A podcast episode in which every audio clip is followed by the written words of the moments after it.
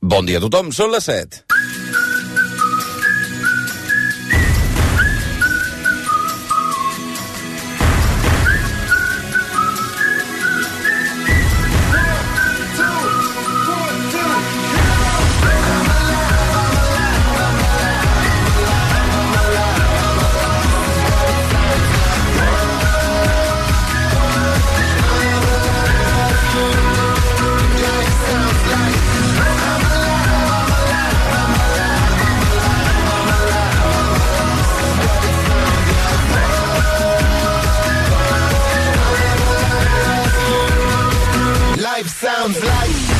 Què tal, com esteu? Benvinguts al Via Lliure en aquest matí de diumenge, dia 12 de març del 2023. Res, queden 3 minutets perquè el sol tregui el cap per cada queix en un dia que no es pondrà fins a les 7 i un minut de la tarda per al canal. Anem allargant els dies. De fet, aquí a, a tot just eh, dues setmanes podrem fer el canvi ja de, del rellotge i entrarem en, en temps d'estiu. Sabeu, eh, amb l'horari estiuenc que farà allargar les tardes, etc etc i és una mica el, el, el punt en què marca la sortida del túnel, d'alguna manera. Eh, pel que fa al temps, torna a ser un dia càlid, eh, amb vent en algunes zones del, del país i, per tant, amb alt risc d'incendis. Ara de seguida repassarem amb el Martí Oliveres. Hem de dir que ahir va ser el dia més càlid en un mes de març a Barcelona des del 2021, dels últims 20 anys. Temperatures màximes a la ciutat de 26-27 graus, tot i que la temperatura més alta del país ahir va ser al Canal Montsià 28 graus va haver-hi fins a quatre estacions del Servei Meteorològic de la costa que van batre el rècord de calor en un mes de març. Estacions, per exemple, que estaven en funcionament des de feia més de 30 anys. Avui la temperatura ja s'anirà desinflant a la costa, no repetiran tots aquests valors absolutament atípics, però encara, insistim, continuen temperatures altes per sobre del que tocaria i, per tant, amb un risc d'incendis considerable. De fet, ahir va haver-hi un ensurt a Cubelles, al Garraf, un incendi que va provocar el desallotjament d'algunes cases. Finalment, a la nit el foc ja estava controlat, però és evident que no val abaixar-hi la guàrdia, perquè les condicions avui encara no són bones. Un diumenge que, evidentment, tornarà a ser notícia el cas Negreira i el Barça, avui que juguen els culers a Bilbao, contra l'Atlètic, amb la pressió del Madrid, que ahir va derrotar l'Espanyol i, per tant, es posava a 6 punts del liderat. Dèiem que el dia ben marcat, en tot cas, per la part judicial el cas de presumpta corrupció al Barça, eh, que ja ha denunciat la Fiscalia.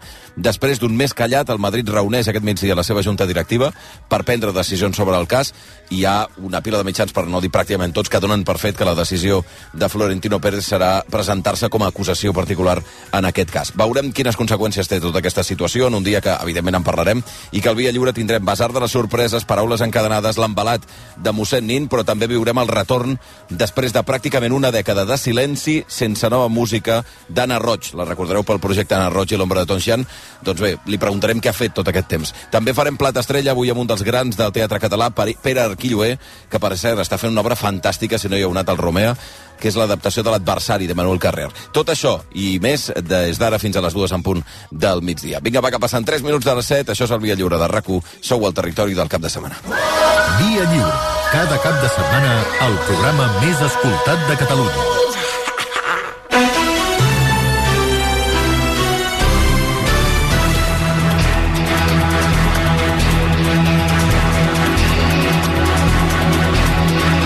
7 i 3 minuts, temps d'actualitzar tota la informació del dia al costat dels serveis informatius, dels esports, del temps, Aurora Rodríguez, Adrià Garcia, Quim Salvador, Martí Oliveres, bon dia. Bon dia. D'aquesta nit i matinada, França finalment ha donat llum verd al polèmic projecte per reformar les pensions, que és una proposta que inclou com a punt principal el retard de dos anys de l'edat legal de, de jubilació, que a França era 62 anys i ara passarà a ser 64.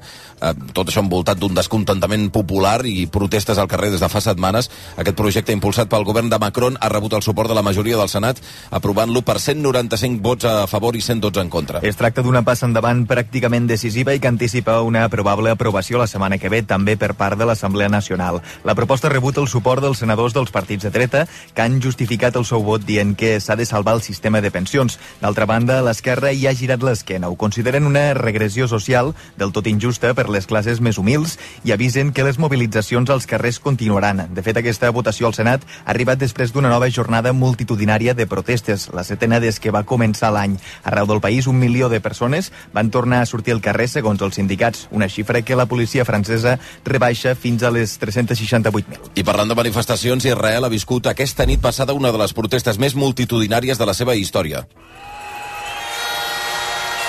Amb centenars de milers de persones sortint al carrer per manifestar-se contra els plans del govern de Netanyahu de reformar el sistema judicial. És un canvi que té com a objectiu donar a l'executiu cert poder per triar els jutges i limitar la capacitat del Suprem per emetre sentències contra el govern. La protesta més multitudinària ha estat a Tel Aviv, amb unes 200.000 persones, però també hi ha hagut manifestacions a d'altres ciutats del país, com Haifa o Beersheba. En total, segons els organitzadors, mig milió de manifestants han omplert els carrers de les ciutats d'Israel. L'oposició al govern de Benjamin Netanyahu Netanyahu ja qualifica aquesta onada de protestes com la pitjor crisi de la història del país. Tot i això, l'executiu no canvia el seu discurs. Netanyahu defensa que la reforma evitarà que els tribunals sobrepassin les seves competències i manté que beneficiarà a tots els ciutadans amb dret a vot. Pel que fa a casa nostra, a les 7 i 5 minuts, els bombers que continuaran treballant aquest matí per mirar de controlar l'incendi eh, que hi va començar a la tarda a Cubelles, al Garraf, des d'ahir al vespre hem de dir que està estabilitzat, amb les flames que han cremat fins a 3 hectàrees de vegetació, es van iniciar en un edifici abandonat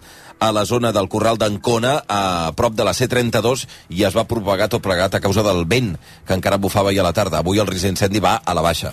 Les altes temperatures, el vent i la baixa humitat van fer que ahir hi hagués fins a 21 comarques en alerta per risc d'incendi. Avui ja són només dues, el Baix Camp i el Baix Ebre, les comarques que mantenen el nivell 2 del Pla Alfa. La bonança aquest cap de setmana, menys d'un mes per les vacances de Setmana Santa, han disparat l'ocupació als hotels i restaurants de la Costa Daurada, en el que també serà un gran diumenge de calçotades. Ho ha explicat a RAC1 el president de la Federació d'Empresaris d'Hostaleria de la província de Tarragona, Francesc Pintado.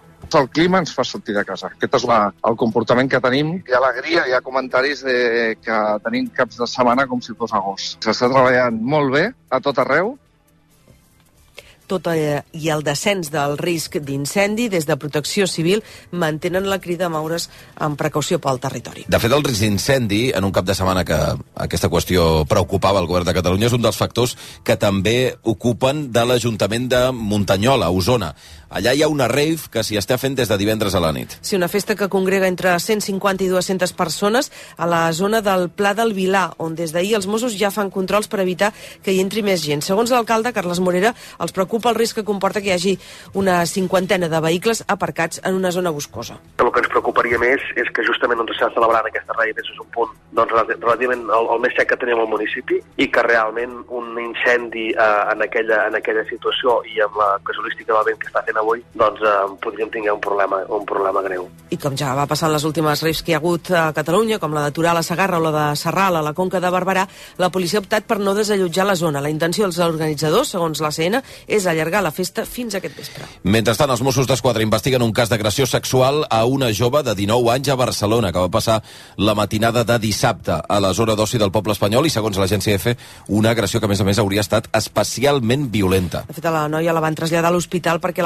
l'atenguessin i li curessin les ferides que tenia, per això no va poder declarar formalment ahir ja. Tot i això, fonts properes al cas han explicat a l'agència EFA que la noia va ser brutalment agredida després d'abandonar una discoteca de la zona però que els primers que la van atendre van ser els vigilants del local. Això en una setmana marcada per l'agressió grupal a una menor en un centre comercial de Badalona. Ahir vam saber que la justícia absolt l'acusat de que s'enfrontava a 24 anys de presó per abusar sexualment de la seva neboda de 12 anys a Palamós, al Baix Empordà. Pel que fa a la política, Pere Aragonès ja és a l'Amèrica del Sud, o avui comença la seva ronda de reunions amb diverses personalitats polítiques a l'Uruguai, a Xile, a l'Argentina, a Colòmbia.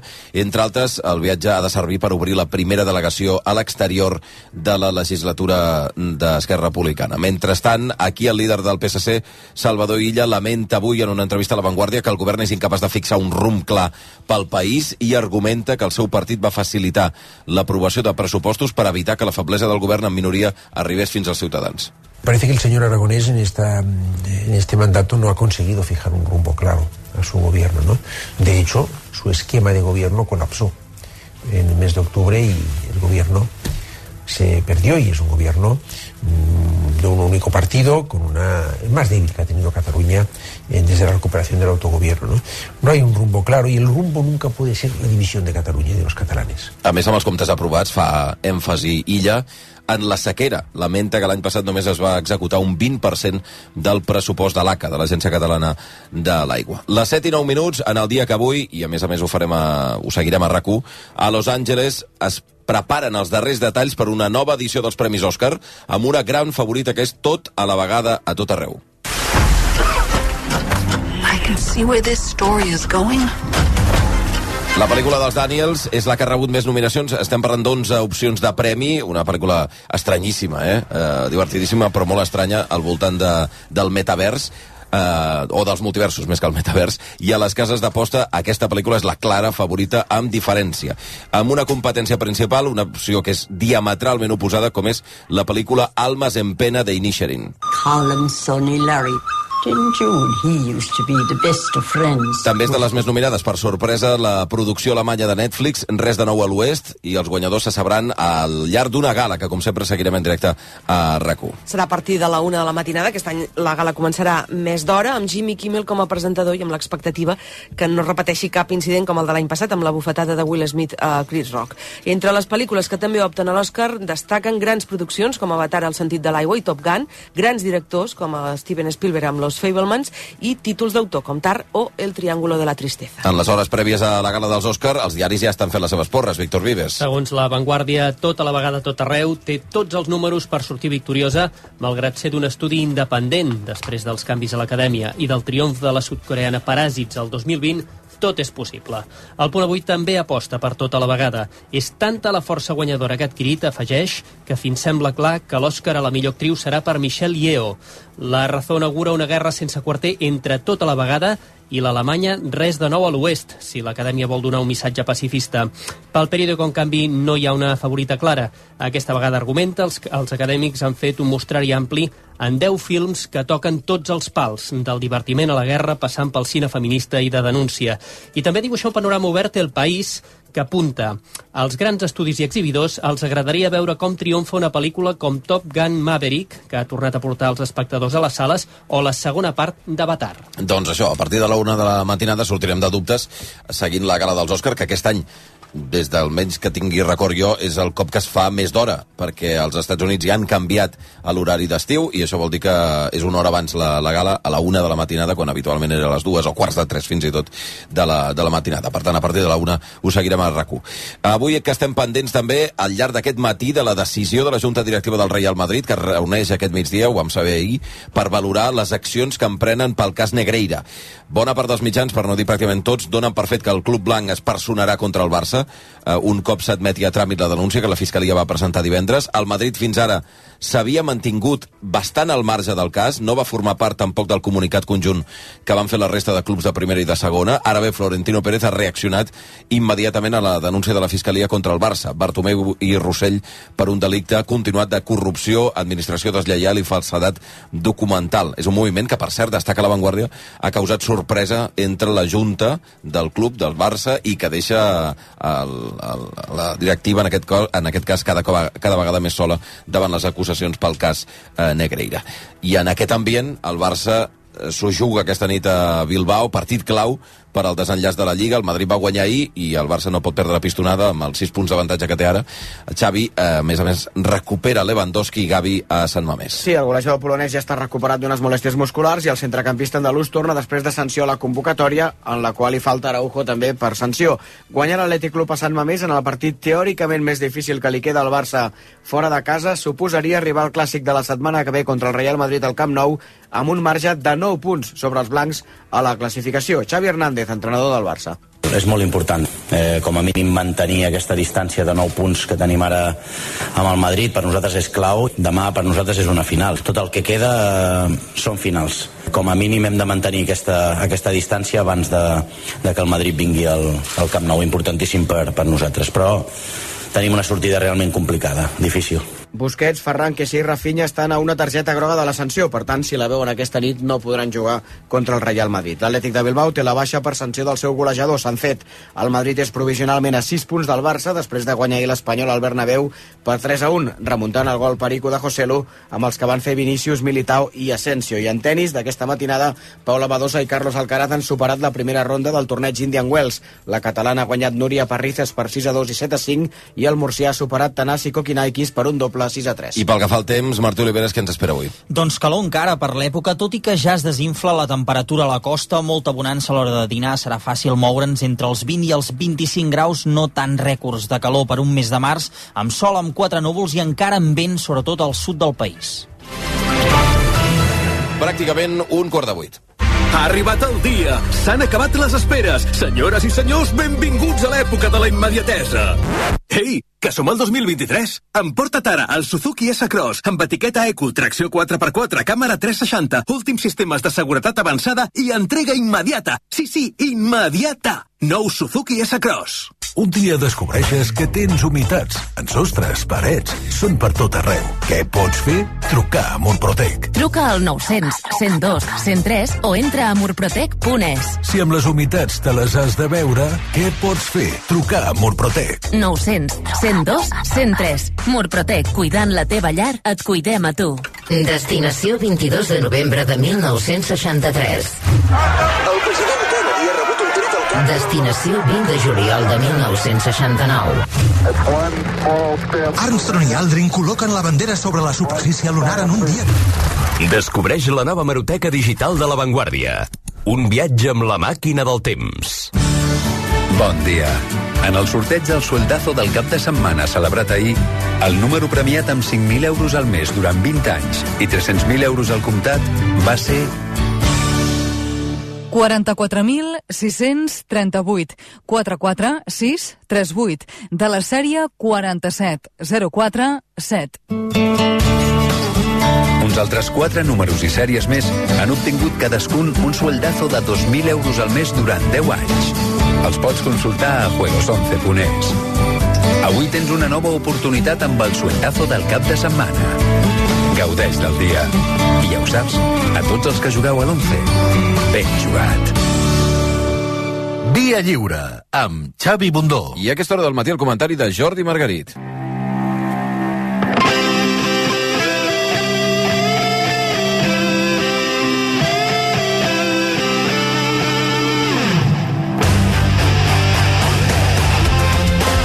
Aquesta propera matinada serà lluïda i espectacular. Els Oscars ompliran de color, llums, sintonies i veus les llars dels fans friquis del cinema. Perquè cal ser un autèntic devot d'actrius, actors i directors per estalviar-se hores de son i estar enganxats al tema. En nom d'ells, i tot i que no pertanyo a aquesta penya selecta, li demano al Xavi Bundó que aquesta nit ens comenti fil per randa si veu que algunes i alguns dels protagonistes han perdut pes. M'explico. Sembla que un fàrmac que l'any passat es va anunciar té molt d'èxit entre les persones que manifesten un sobrepès prou visible. Aquest fàrmac ja es comercialitza a diferents països europeus i, evidentment, als Estats Units. Hollywood és un dels espais on aquesta medicina comercialitzada de ja fa uns mesos més s'ha venut. Per tant, estic convençut que les estrelles del cinema s'han abocat al seu consum per mantenir les siluetes amb les que els hem conegut i que tan difícil se'ls fa conservar. De moment el fàrmac és car. Es tracta d'una injecció mensual i el seu preu supera els 1.000 euros. Alguns dels que esperen en candeletes la seva comercialització aquí ja estalvien per quan s'obri la veda. Clar, és més fàcil confiar-ho tot a les farmacèutiques i menjar el que et doni la gana per no haver de passar per l'apocalipsi de les dietes o el suplici d'un exercici intens, pel qual ni t'has preparat ni penses fer-ho. Passa com amb la cosa de la sal. Ens decantem per les pastilletes diurètiques i continuem fotent-li el saler per superar la cuina insípida a la que ens han condemnat. La llei del mínim esforç triomfa arreu.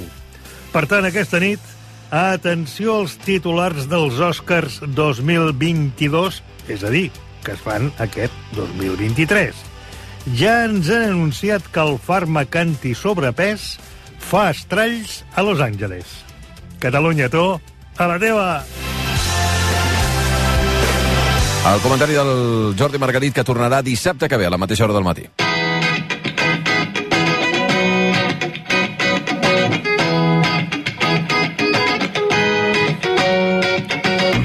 Ja sabeu que al Via Lliure ens agrada donar voltes pel món, ho hem fet en les últimes temporades a través del Muro de Viatge i aquest any estem plantejant nous reptes i nous horitzons.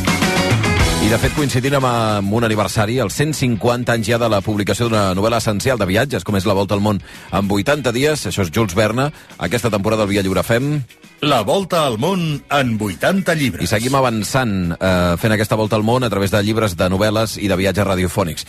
Al costat del Víctor Vives, què tal, Vives? Bon dia. Bon dia, Xavi. Avui arribem a l'etapa 53 ja d'aquest eh, d'aquest viatge de 80 parades. Ens havíem quedat a Nicaragua. On anem ara? A Mongòlia.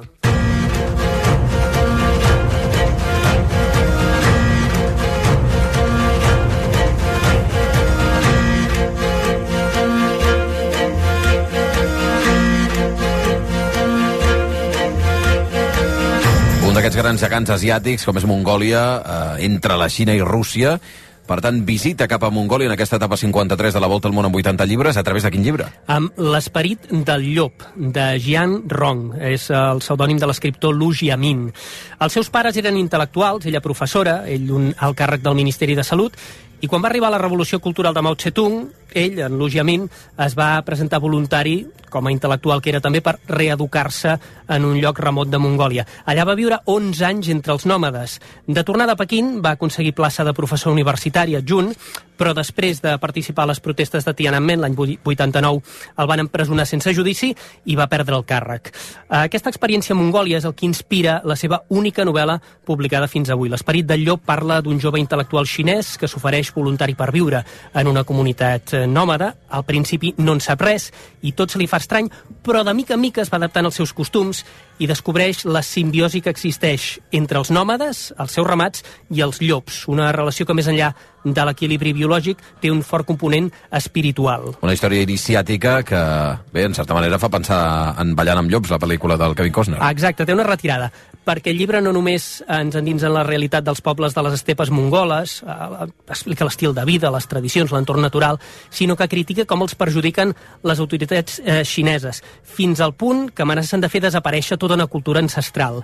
La novel·la descriu com era originalment la vida nòmada i quin xoc van representar les polítiques de modernitat dictades des de Pequín a centenars de quilòmetres de distància. Doncs avui fins a Mongòlia, en aquest viatge que forma part de la nostra volta al món literària, amb aquesta novel·la que, si no l'heu apuntat, és L'esperit del llop, de Jiang Rong, on eh, trobareu tota la informació, si voleu, d'aquest llibre a través del Twitter, el Twitter del Via Lliure. Gràcies, Víctor. Fins ara, bon dia.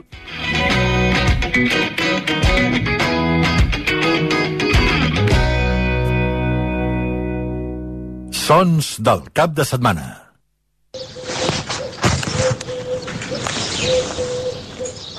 Bones, bon dia. Em dic Héctor, ja ho sentís. Aquest és el so del cap de setmana.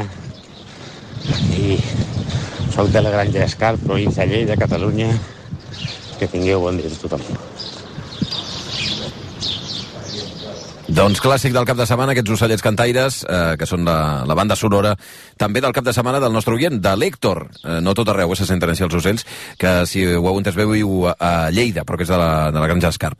Esperem que, que anés bé la passejada, que també defineix els vostres caps de setmana, i gràcies per fer arribar la teva nota de veu, que podeu també afegir vosaltres en el collage que anem construint cada cap de setmana amb el so del cap de setmana dels nostres oients.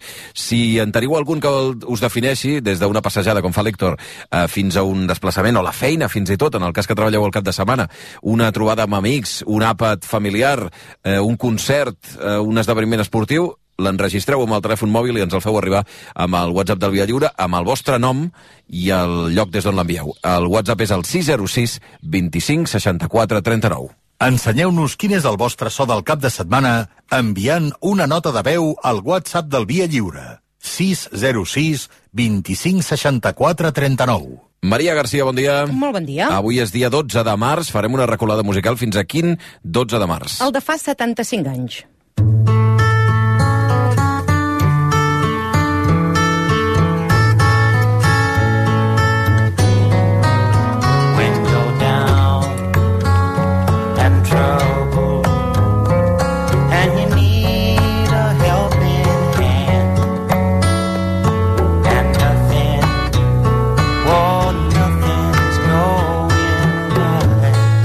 Aquest home. James Taylor. Efectivament, i avui fa 75 anys que va néixer a Boston. Recordem que el 1968 va gravar el seu primer àlbum i ho va fer precisament amb la discogràfica que havien muntat els Beatles, Apple Records. I va ser amb el segon disc que va aconseguir que les seves cançons escalessin en el top 10 de les més eh, venudes dels Estats Units. El 1972 va publicar Mad Slight Slim and the Blue Horizon, amb el qual va aconseguir el seu primer Grammy a millor cantant de pop masculí i va aconseguir també superar el milió de còpies venudes. Precisament en aquest disc hi havia un dels seus grans èxits, You Got a Friend, que sentim de fons. come running. Oh yeah,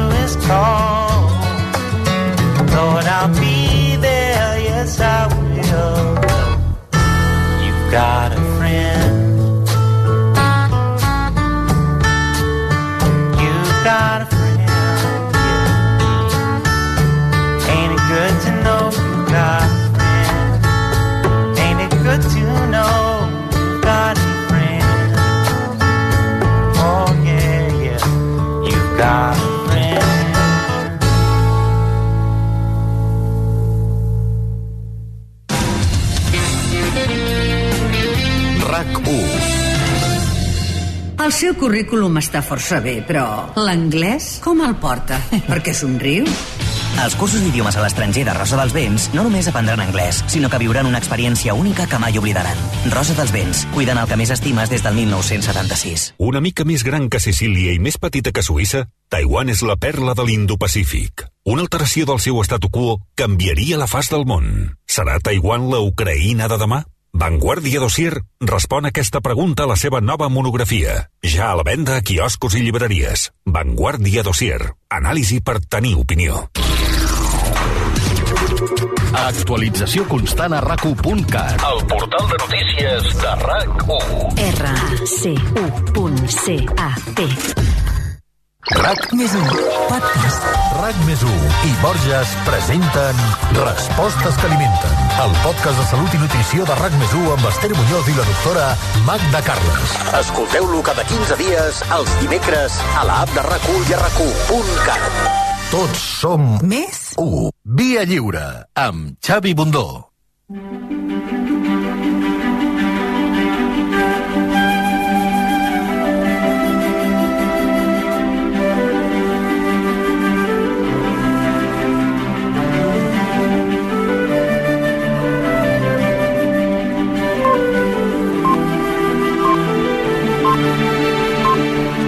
I arribats a aquesta hora del matí, en aquesta hora que és entre plàcida i intempestiva i que cada cop el sol surt una miqueta més d'hora i fins i tot a temperatures gairebé primaverals, si no una miqueta més, eh, és aquella hora en què ens desplacem a un raconet eh, que ens agrada molt de la geografia mai revelada del nostre país. És un carreró empedrat que ens porta directament a un edifici sense gairebé interès arquitectònic, però que a l'interior s'amaguen meravelles. No hem volgut revelar mai també perquè no patim també les inclemències turístiques d'aquests dies que, que ens acompanyen, no? instagramajables, diguem-ne.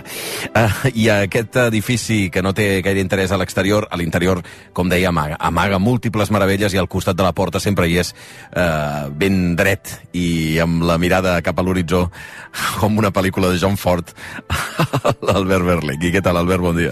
Bueno, ara m'has matat això, John Ford, eh? Clar, és que què més haguera- m'haguera agradat a mi que aparèixer en una pel·lícula de John Ford, eh? Què tal, Xavi, com estàs? Bé, com home, bé, bé, bé. Ara que Sí? dic, dic, dic John Ford perquè me n'he recordat de la de pel·lícula dels Fabelman, que és aquesta pel·lícula de Sí. l'Spielberg, eh, Mhm. i avui, que, avui que aquesta matinada són els Òscar, i que res... I.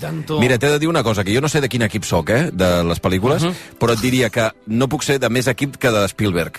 Si és, Doncs mira. la pel·lícula no crec que guanyi els grans No, premis, no. però tinc les... M'encantaria que el de director li, li regalessin, sí, perquè el que ha fet aquest home pel cinema és extraordinari. A més, la pel·lícula, crec que tu l'has vista també al cinema, eh, Sí, sí. justament surt John Ford en un personatge fantàstic, John Ford, no? uh, atenció, interpretat per, a la, per el director, eh, com es diu en aquell ara? ara no, el David Lynch, eh? Sí, Vull dir, atenció, sí, eh? sí, sí, sí. John Ford està interpretat... per- Jo, uh, jo mira, jo, clar, ara amb, amb el tema dels nanos i tot això, jo puc anar molt poques vegades al cinema, però de veritat que anar al cinema uh, sense criatures, anar a la sala fosca, la- l'esperit, l'essència que representa, ja sé que ja està carregat de tòpics aquesta frase, eh? però que representen el cinema, els que estimem apassionadament el cinema, i veure el primer minut de la pel·lícula que apareix el senyor Steven Spielberg donant-te gràcies explícitament per anar al cinema, només aquell primer minut, jo, si, si la pel·lícula s'acaba aquí, jo ja haguera quedat content. I aplaudeixes. O sigui, imagina, ja, ja vaig aplaudir, vale? I llavors veure al final aquell homenatge,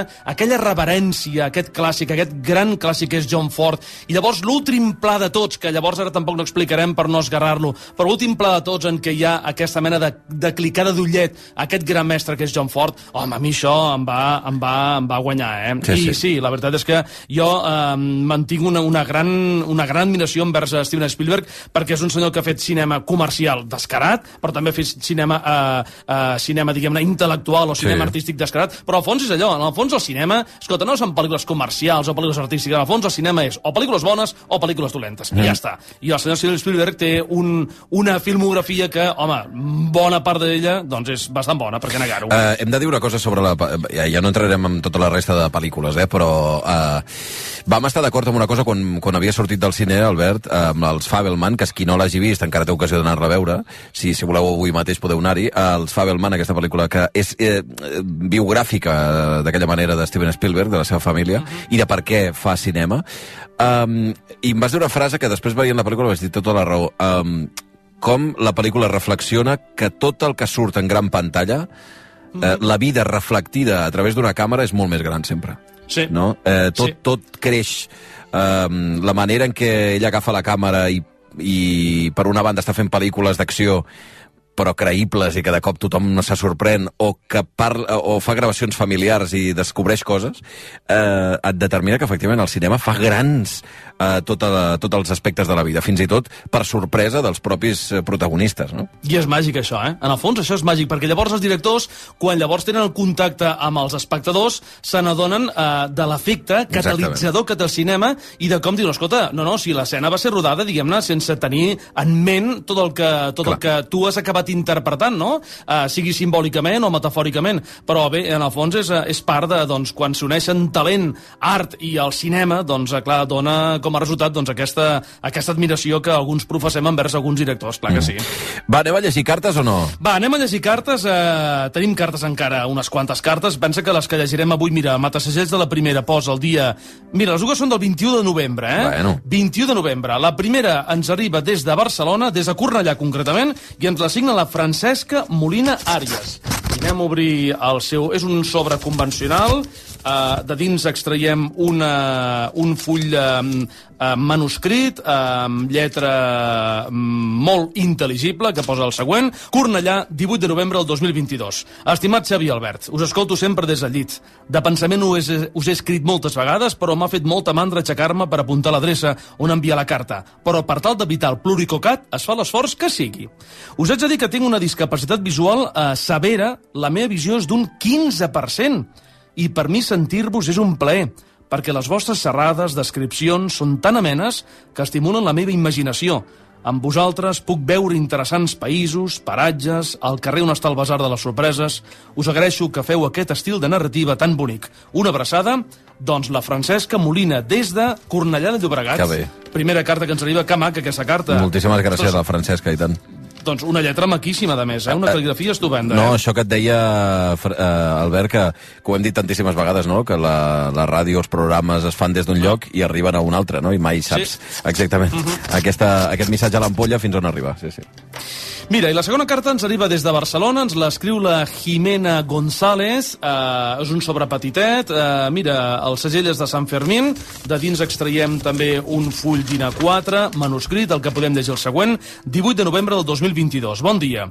El meu nom és Jimena i us escric des d'un barri no massa cèntric de Barcelona. A cas us escoltem, i us escoltem molt. Jo ho faig des de primera hora del matí. He de dir que estic força molesta amb el vostre programa perquè és una bona motivació per sortir del llit cada cap de Vaja. setmana. Em podria quedar fent el mandra, però bé, no us puc donar la culpa en absolut perquè jo també sóc molt matinera des de sempre. Tot i que m'agradaria dormir fins més tard, he de dir que llevar-se just quan comença a trencar l'alba, amb la calma que precedeix la voràgina dels caps de setmana i sentir els ocells, dels pocs que se senten a Barcelona, no té preu. Encenc la ràdio, em faig un te, quasi sempre verd, i em sento tranquil·lament a la cuina, mentre fora la ciutat es lleva de mica en mica, perquè és el meu moment. L'única cosa és que els meus fills també són força matiners i a poc a poc van desfilant per casa els meus tres monstruitos, com jo els hi dic, fent petits badalls, fregant-se els ulls i amb càlides abraçades. M'agradaria que no perdéssim mai la màgia de les cartes manuscrites. En el passat, quan algú marxava de viatge, sempre ens acomiadàvem dient tres coses. Vés amb compte, passa-t'ho molt bé i envia'ns una postal. I sens falta, al cap d'uns quants dies, et trobaves a la bústia de casa una postal que tant podia venir de l'altra punta del món com d'algun lloc encisador prop de casa nostra. A dia d'avui, si obres la bústia, trobes el tríptic immobiliari mostrant els preus dels habitatges, l'extracte bancari i la factura de la llum. I, sincerament, no sé quina de les tres coses fa més por.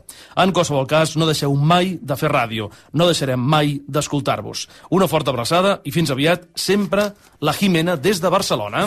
Doncs molt agraït a Quina aquests dos missatges. maca, també, eh? També de, que ens arriben i que són del novembre, però eh, recordem que farem un salt, no? Suposo, entre novembre Sí, i gener, perquè havia- tot el jo- jo desembre espero- sí. ja, ja eren eh, cartes de, de Nadal, per entendre'ns, ja les vam Jo llegir. espero que aviat fem el, fem el, eh, el salt i llavors ens puguem plantar ja el 2023, perquè Bueno, estem parlant de sí, novembre, sí. desembre, gener, febrer, Fort, març, gairebé mig any, eh? És Sí, no, quina vergonya, eh, Xavi. Jo terrible, pensa que terrible. les cartes que, les cartes que contestaré aquesta carta, perquè aquesta Sí. tarda, perquè sempre contesto les cartes el diumenge a la tarda, eh, sempre començo dient quina vergonya que em fa el fet de, de que hagi passat mig any ja gairebé, eh? Vull dir Bé, que- en tot cas, agraïts a aquests oients que segueixen enviant cartes a l'audiència del, del Via Lliure. Si voleu aportar-hi el granet de sorra, doncs fàcil, enviant una carta al, al correu habitual del Via Lliure, al Basar de les Sorpreses, Avinguda Diagonal 477, planta número 15, codi postal 08036 a Barcelona, i, com sempre, hi haurà lectura per part de l'Albert, i un cop ho hagi fet, doncs el compromís és la resposta personal i el més aviat possible. Bé, tenim per allà l'horitzó, sí, el Beorlegui Express, lluent, Ah, polit, sí. Net, fantàstic. Avui veig que no hi ha bandereta i, per tant, això m'inquieta perquè no... Sí, home, sí, On home, és? sí, espera, espera. Ah, està a l'altra banda, està a l'altra banda, perdona, sí, perdona, sí, no l'havia està vist. una mica amagada, Vale, però vale. sí, sí, està a l'altre cantó. Petitoneta, eh? Dir eh? Val. Sí, Aquesta bueno, la recu... Sí, això és... Uh... Sí? Tu la reconeixes? Diria... A veure... Ostres. Jo la vaig haver de buscar perquè no... No, és, és sud-americana, aquesta, no sé si Correcte. és de... Bolívia. És de Bolívia. Bolívia. Sí. Sí, sí. Jo no l'haguera conegut, eh? No? Vull dir que... Bueno, em sembla que no, eh? No, no, no, no. Bueno. Segur que no. Segur que no, ja et dic Sí, jo que home. no, eh? Vull Estava que... dubtant perquè té aquests colors eh, vermell, Sí. groc i verd i pensava si era africana, però no. He pensat Home, que jo suposo que algun país africà també ha de tenir aquests colors tan llampants, eh? Vull segur. dir que... Sí, sí. Vale, doncs mira, ens anem a Bolívia perquè eh, recordem aquest país de poc més de 10 milions d'habitants, eh, que està situat a la part central de Sud-amèrica, té grans extensions de natura, però nosaltres anirem a un poble de 6.000 habitants situat a l'extrem oriental, anomenat Baures, i que es troba al departament de Beni, que és eh, un dels nou amb els que es divideix el país. I allí coneixerem la història de Jonathan Acosta Abuit, un home de 30 anys que va anar a caçar amb els seus amics a la selva i que es va perdre. Hosti. Però això vol dir que anem a la selva, llavors? Això anem a la selva. No sé si tu els bitxos et fan por. Home, a veure, eh, por. Eh, una mica d'angonia, segons... A veure, que Pensa quan que no estàs són- dient bitxos, estàs parlant d'insectes Sí. o estàs parlant de- Aquí- estem d'animals? parlant... Anem a la selva, per tant, aquí hi ha aranyes que són eh, No, com a no. pilotes de golf, per entendre'ns, i cucs que s'assemblen a barres de quart, eh? Vull dir que... Què dius, animal? Home, per favor. I adverteixo que no és el pitjor que et pots trobar, Ai, eh? Ai, dir que... ai, ai, ai, ai. Sí? Bueno, no, res, no, no, doncs gairebé ni sortirem, no pateixis, eh? Sí, sí, va, sí. posa't el cinturó. Va, marxem a Bolívia. Vas armat o no? No, és que jo, jo, és que, enca- jo allò del matxet, és que em Matxet. faria mal, jo. O sigui, m'autolesionaria, jo. Necessitaria una cimitarra, jo. Vaja, vaja. És maco, eh? Tu, allò que es mou per allà, No, no, no, no, vagis allà, tu. Tu, allò és una serp, allò. Havia fot... No, toquis, home. A l'Elisabet li, fa un, li fan una por a les serps, l'Elisabet no Sí, podria venir, eh? ai, ai. Li fan una por a les serps que de veritat, eh? A veure, Calla, calla, calla. i això? Bueno, no ho sé, però no... Jo... Sembla un mico, no? Hosti, no ho sé, tu. Tu estàs... creus que estem segurs aquí o no? Ai, ai, ai. Jo diria que no, jo diria que no. Vale. Marxem, marxem, perquè... Sí, vai. Bueno, mira, uh, anem a... hem anat aquí a Bolívia perquè estem... Res, estem... Res, és que no hem entrat ni a la selva, eh? Vull dir, estem ja, just si a la frontera. Si vull dir, tampoc... sortim, vols dir que si sortim Sí. estarem a... bé, no? Vale, vale. Sí, home, sí. Mira, la història comença el passat 25 de gener, quan aquest Jonathan es va endinsar amb uns amics seus a la selva amb la idea de trobar pedres precioses. Què dius? A veure, Vaja. mm, vamos a ver, a veure, primer dius de caçar, ara dius de trobar pedres precioses. Sí, sí, sí. Es van internar 25 quilòmetres jungla dins, No, no anirà bé, 25 quilòmetres, eh, què dius? Això no pot anar bé. No, no o sigui, això, això no pot anar bé. I què va passar? Doncs que això que aquest Jonathan es va allunyar del grup i es va perdre. I a veure, tots sabem l'angoixa que suposa perdre's en un lloc on no et pots orientar. I més en una selva. Ja, I el ja, cas ja, és que bé, els seus amics, per les raons que siguin, bueno, ja vindrà, ja trobarà el camí, patapam, se'n van anar, Hosti. i el paio es va quedar sol. No. I amb només una escopeta ha sobreviscut un mes. Bueno, ell, Rai, que tenia una escopeta, que tu i jo ens perdem aquí i ja, ja em diràs què fem amb les mans. A veure, jo ni amb escopetes, ni amb Ja, totes les a què viures, jo no podia sobreviure ni 3 I, hores. I què va fer? Que va, però que, com ho va fer? Doncs mira, sense gairebé dormir, perquè evidentment el tio estava superespantat, Sí, sí, sí. alimentant-se de l'aigua de la pluja que acumulava les seves botes, menjant el que podia, evidentment cru, i fugint de tota mena de depredadors, des de jaguars a caimans, passant per insectes, micos, ocells i bèsties de tota mena. Afirma que va sentir la presència de tribus que el vigilaven i quan finalment el van trobar, exhaust, dèbil, però bé de salut, 31 dies després el van hospitalitzar. Ara s'està recuperant, però afirma que té molts malsons de la seva terrible experiència a la selva, de la que tots celebrem, evidentment, aquest final inesperadament feliç. I a mi això m'ha cridat molta atenció, de manera que, eh, si et sembla, dedicarem un nou basar de les sorpreses. Avui el que fa el 296, aquest escenari tan exòtic, tan fascinant, tan perillós alhora. Avui la lletra S, la S de selva.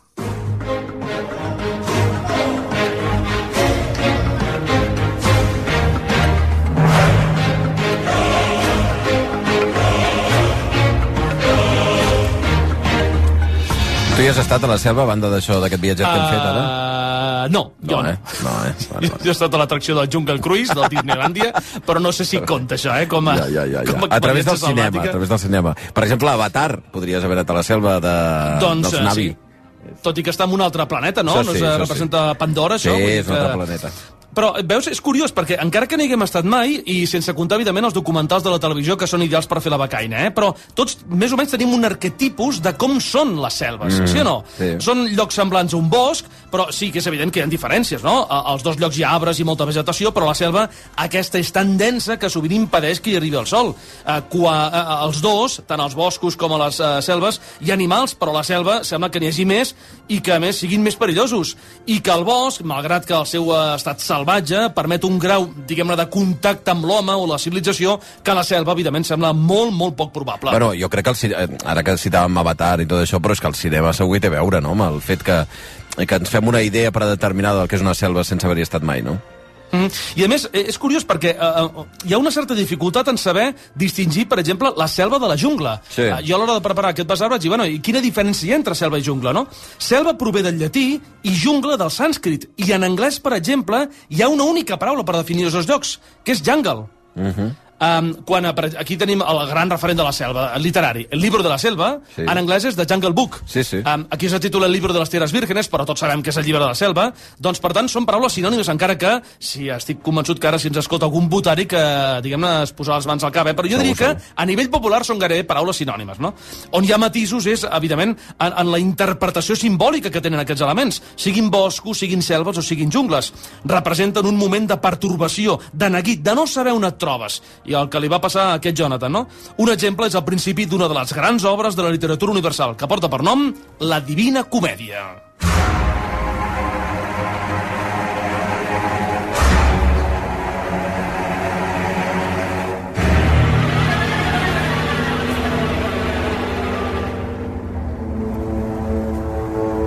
Això no anirà bé. Això no anirà bé, Albert. Bueno, perquè és que hem posat així una música una mica intrigant, perquè clar, aquest és el principi de la Divina Comèdia. Eh? Mm. Recordem als nostres oients La Divina Comèdia, un poema medieval publicat l'any 1307 per Dante Alighieri i que explica el pelegrinatge de l'autor per l'inframont, on acompanyat del poeta Virgili recorre l'infern, el purgatori el paradís. La gent es pregunta pel seu títol, què és això de la Divina Comèdia? Originàriament l'obra es deia només comèdia, però no en el sentit modern que li donem a la paraula, del ha-ha-ha o el hi-hi-hi, sinó l'aristotèlic, és a dir, tractar assumptes dels homes i no dels déus, amb un final, diguem-ne, feliç.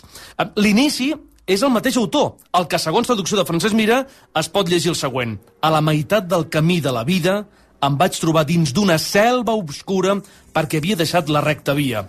Quina cosa tan dura és dir com era aquesta selva salvatge, àspera i forta, que em renova la por només pensar-hi. És tan amarga que és poc menys que mort. No sé explicar ben bé com hi vaig entrar. Tan ple de son estava en aquell punt en què em vaig apartar del bon camí. És a dir, aquest senyor estava tra- travessant una crisi vital, diguem-ne, la crisi dels 40, per Sí, entendre'ns, sí, el sí, camí sí. de la vida, la meitat del camí de la vida, i es troba en aquesta selva i a partir d'aquí inicia aquest pelegrinatge. La selva, doncs, és sinònim de pèrdua per aquell que s'hi endinsa, però també dins d'ella hi podem trobar coses sorprenents.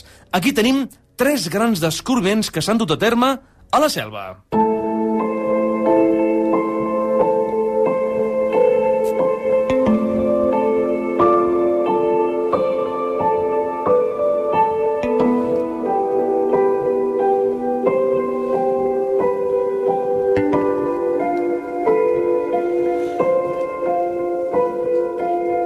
Per on comencem, Albert? Doncs mira, comencem per una d'aquelles troballes que sembla impossible que es poguessin realitzar, perquè és evidentment gràcies amb l'ajuda de, de, la, de la tecnologia que tenim avui en dia. Comencem per un descobriment que va tenir lloc fa 5 anys i que eh, va tenir lloc sense que hi anés ningú físicament. Es tracta d'una selva verge i sense explorar situada al nord de Moçambic, a l'Àfrica, i que va sortir a la llum gràcies a Julian Baylis, que és un professor de la Universitat d'Oxford, i que ho va trobar estant ella 8.000 quilòmetres. I dius, a veure, com pot ser que un senyor a 8.000 quilòmetres pogués trobar això? Doncs a través del Google Earth.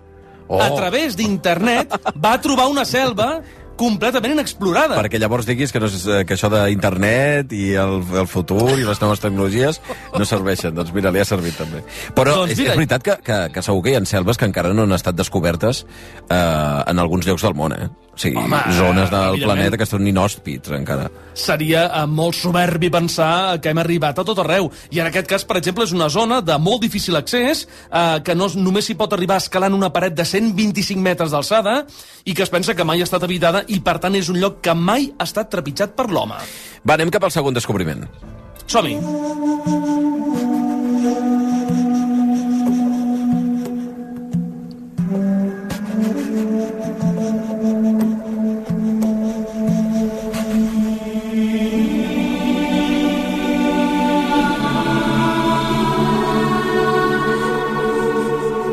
On som? Ara ens anem a Honduras, a un lloc llegendari que durant segles, des del temps dels conqueridors espanyols, al segle XVI, se n'havien explicat històries i llegendes que havien quedat engolides per la jungla. Estem parlant de la Ciutat Blanca i el déu Mico. Les runes van ser identificades per primer cop fa 11 anys a la regió de Mosquitia i quan més tard hi va anar una expedició de la National Geographic formada per arqueòlegs, enginyers i fins i tot soldats, van trobar una ciutat perduda que es pensa que podia pertànyer a quelcom més gran, una civilització que va tenir el seu màxim esplendor als vols de l'any 1000 de la nostra era i de la que tot just s'està investigant. Va, i anem amb l'últim d'aquests descobriments.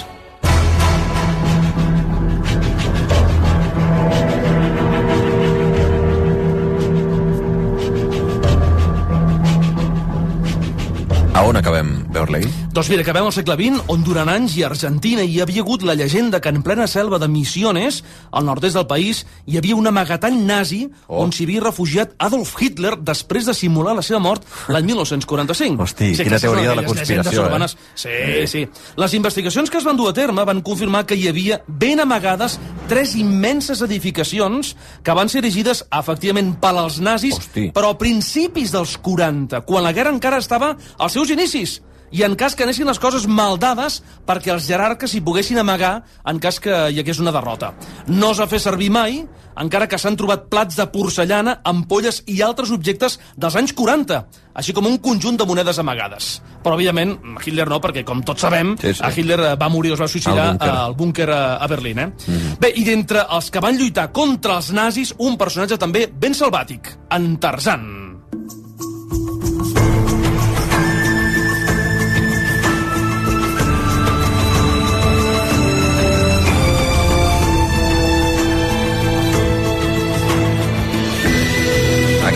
Ritme absolutament eh, fantàstic, eh, liana, liana, eh? com abans, uh Mhm. -huh. eh, Tarzan. Element absolutament inseparable d'una selva, d'una jungla. Correcte, Tarzan és un dels personatges més populars del segle XX, eh, creat per Edgar Rice Burroughs l'any 1912, la revista All Story Magazine, va ser adaptat llavors com a novel·la a Tarzan de los Monos i ha conegut des de llavors un sens fi d'adaptacions en cinema, ràdio i televisió, entre els quals hi ha, evidentment, El triunfo de Tarzan, rodada l'any 1943 en plena Segona Guerra Mundial i, evidentment, amb el millor Tarzan que hi ha hagut, en Johnny Weissmuller, de protagonista, i on, amb la seva proverbial loquacitat, en un moment de la peli, el Tarzan diu Tarzan, matar, nazis. Diu això? Bueno, sí, home. Sí, parlar no, Clar, sap, per què? parlar no en sap gaire. Però, Però, però, però, però, però, a la selva sap que el Tarzan ha de matar nazis, correcte? Clar, hem de situar, evidentment, De el veritat, context eh? de l'època. Estem en 43 i, per tant, totes les pel·lícules havien de ser, havien de tenir aquest Matar punt, diguem-ne, propagandístic, eh? Tarzan, matar, nazis. El, eh, el punt de partida Uh, és prou conegut, no? Uh, Lord Greystock és l'únic fill d'una parella d'aristòcrates que són abandonats a la selva després d'un motí en un vaixell. Els pares moren i ell serà criat per un grup de goril·les. Més enllà de la seva popularitat, en realitat en Tarzan perpetua un mite ben clàssic, el del bon salvatge.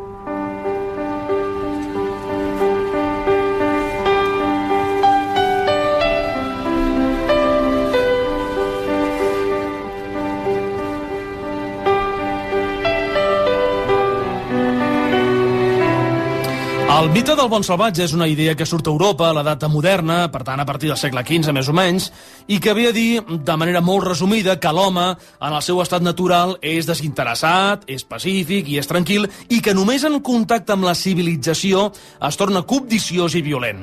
I encara que amb els anys, i sobretot contemporàniament, la idea ha estat, diguem-ne, força qüestionada, i antropòlegs contemporanis del segle eh, XVIII, eh, el filòsof i eh, escriptor i pedagog Jean-Jacques Rousseau, Mhm. en va parlar força, escrivint que allò de l'home neix bo i és la societat que el corromp. Aquesta és una idea, evidentment, que Sí. ja no només a través de la literatura, o de les mosques sense anar més lluny, no? Mhm. sinó també moltes altres obres, fins i tot estudis, eh? que han comprovat que, escolta, cada Bueno. condició humana és justeta, no ens enganyem. No, però la, la idea aquesta de que en un entorn eh, allunyat de la societat l'home és bo per natural és una mica terra baixa, també, no? Eh, Sí. La idea de, de, de, la, de la terra alta com un lloc pur en què no hi ha contacte gairebé social i a la que baixes a la terra dels homes homes a la terra de, de les misèries, la cosa se, no, es complica. Que, que Rousseau, amb, amb eh, aquesta teoria del, del bon salvatge, també estava... Va haver aquest enfrontament amb Hobbes que deia l'altra teoria, no? que és la de l'home és un llop per, un, per l'home, no? i que, per Correcte. tant, de, en el fons, en realitat, és més aviat aquesta, aquesta altra lectura, i aquest enfrontament eh, filosòfic que també, fixa't, que inclou un animal salvatge com és el llop. No? Mhm. eh, per tant, per una banda la selva, per l'altra el, el llop, eh, la, la incorporació també del pensament filosòfic eh, de, de què és l'home i què és la societat i, quins, i quin pes Mhm. eh, significa en la seva vida. Bé, seguim... I si, uh, sí, i perquè si Jean-Jacques Rousseau, uh, diguem-ne, va per la força i és l'abanderat, allò de que l'home neix bo i és la societat del que corromp, doncs mira, hi ha un altre Rousseau, en aquest cas un pintor amb el mateix cognom, que va viure 100 anys més tard, que té també una obra sobre la selva.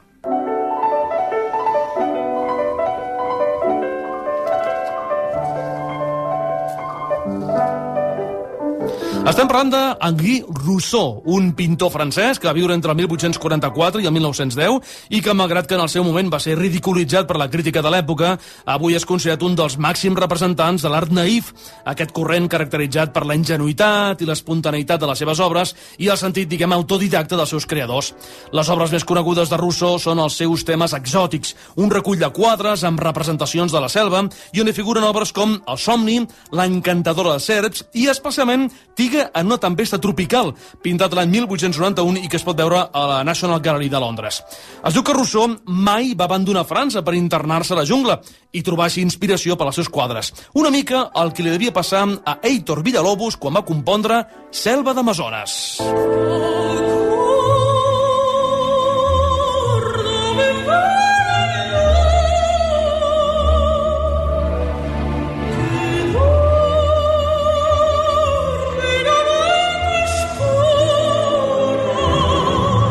això de quan és, Albert? Doncs mira, això és de finals dels 50. De fet, és una de les, de les últimes composicions de, de Villalobos. És la melodia sentimental, eh, una de les peces també més conegudes d'aquest concert de Selva d'Amazones, i és una de les darreres d'aquest eh, compositor, director d'orquestra brasiler, més conegut per les seves baquianes, les baquianes brasileres, i on va combinar sempre música folclòrica amb, eh, amb música clàssica europea. Aquesta música es va fer servir per una pel·lícula que es deia Mansiones Verdes, que va dirigir en Mel Ferrer, recordem, el marit de l'Audrey Hepburn en, certa, en uns quants anys, l'any 1954, i que va ser, va ser un absolut fracàs de taquilla. Però ja que estem en cinema, home, va, la pel·lícula més coneguda amb la selva de protagonista, El libro de la selva. Ara. Look for the bare necessities, the simple bare necessities. Forget about your worries and your strife. I mean the bare necessities or Mother Nature's recipes that bring the bare necessities of life. Bé, és històric, eh, aquest, aquesta Home. escena, ara que l'has posat en anglès, però vaja, que en castellà també soy oso dichoso, oso feliz, Sí. no? que fantàstic. Eh, el Ba- Balú, Balú és el- l'os estimat per tothom, eh, no? És un dels... Sí, sí, és una de les grans pel·lícules de Disney, eh, una pel·lícula...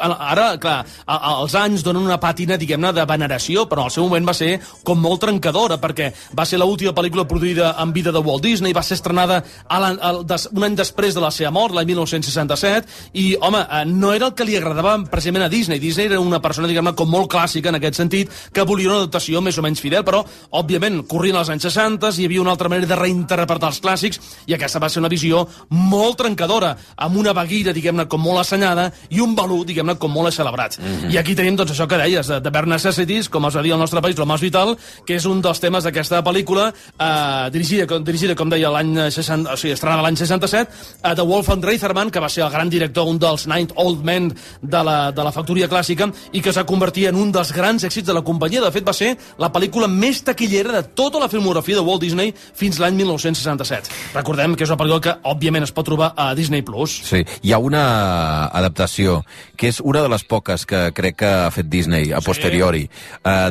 d'adaptar... Oi? sí. Eh, D'adaptar Sí, sí, sí. en, en, en vida real, en, en cos i amb actors, una, una pel·lícula d'animació que, és, que és la que van fer l'any 2000, no, sé, no recordo, 16 o 17, o una, cosa- deu fer 5 o 6 anys. Abans, abans, Xavi. Abans del 16? Bueno, No sé. Bueno, segur, vaja. Mm, no, eh? que no? No crec que sigui Sí? sí? gaire més enllà, eh? eh sí? sí, jo no crec que faci 10 anys ja de la pel·lícula. I era una... Sí? Jo recordo haver-la anat a veure al cine i em va semblar una meravella, una adaptació Sí, sí. fantàstica, perquè a més a més no seguia al peu de la lletra, per tant no era esclava 100% de l'original de Disney, eh, i en canvi, ostres, tu la recordes haver-la vista? La recordo i em va agradar molt, a més de les Oh, poquíssimes, oh. però dir l'única adaptació amb, Sí. uh, diguem-ne, amb carn i os, diguem-ho així, entre cometes, Sí, sí. perquè aquí hi ha molta infografia, sí, que, uh, diguem-ne, que no, mm, estava, diguem-ne, era correcta, perquè, noi, les altres versions que ens han arribat de l'Aladín, de la Bella i la Bèstia, i ara, atenció, que arriba la Sirenita, eh? Bueno, Mare de Déu, senyor, el que ens bueno. espera, eh? Vull dir que... 2016 I la en diu el veí, mira. Veus? Sí, sí, sí, 2016, 2016, sí, sí, sí, sí. Fa I atenció set que, anys. I amenacen amb la Blancaneus, també, eh? Vull dir que... Sí, sí, no acabaran. Per, perquè No acabaran no cal, no cal, no cal. Escolta, busqueu altres històries noves, Exacte, tu. Vull dir que... Clar, perquè tot ha de ser tan políticament correcte que, clar, no poden agafar cap element de la pel·lícula, no només de la pel·lícula original, sinó, evidentment, de la història Sí, sí. original dels germans Grimm. Vull dir que... En fi. Bé, bé, Orlegui, una abraçada ben forta i que vagi molt bé. Ens veiem diumenge que ve. Eh, ja t'explicaré com van els Oscars. Perfecte, que vagi Vinga, molt bé. una abraçada, adéu-siau. Tot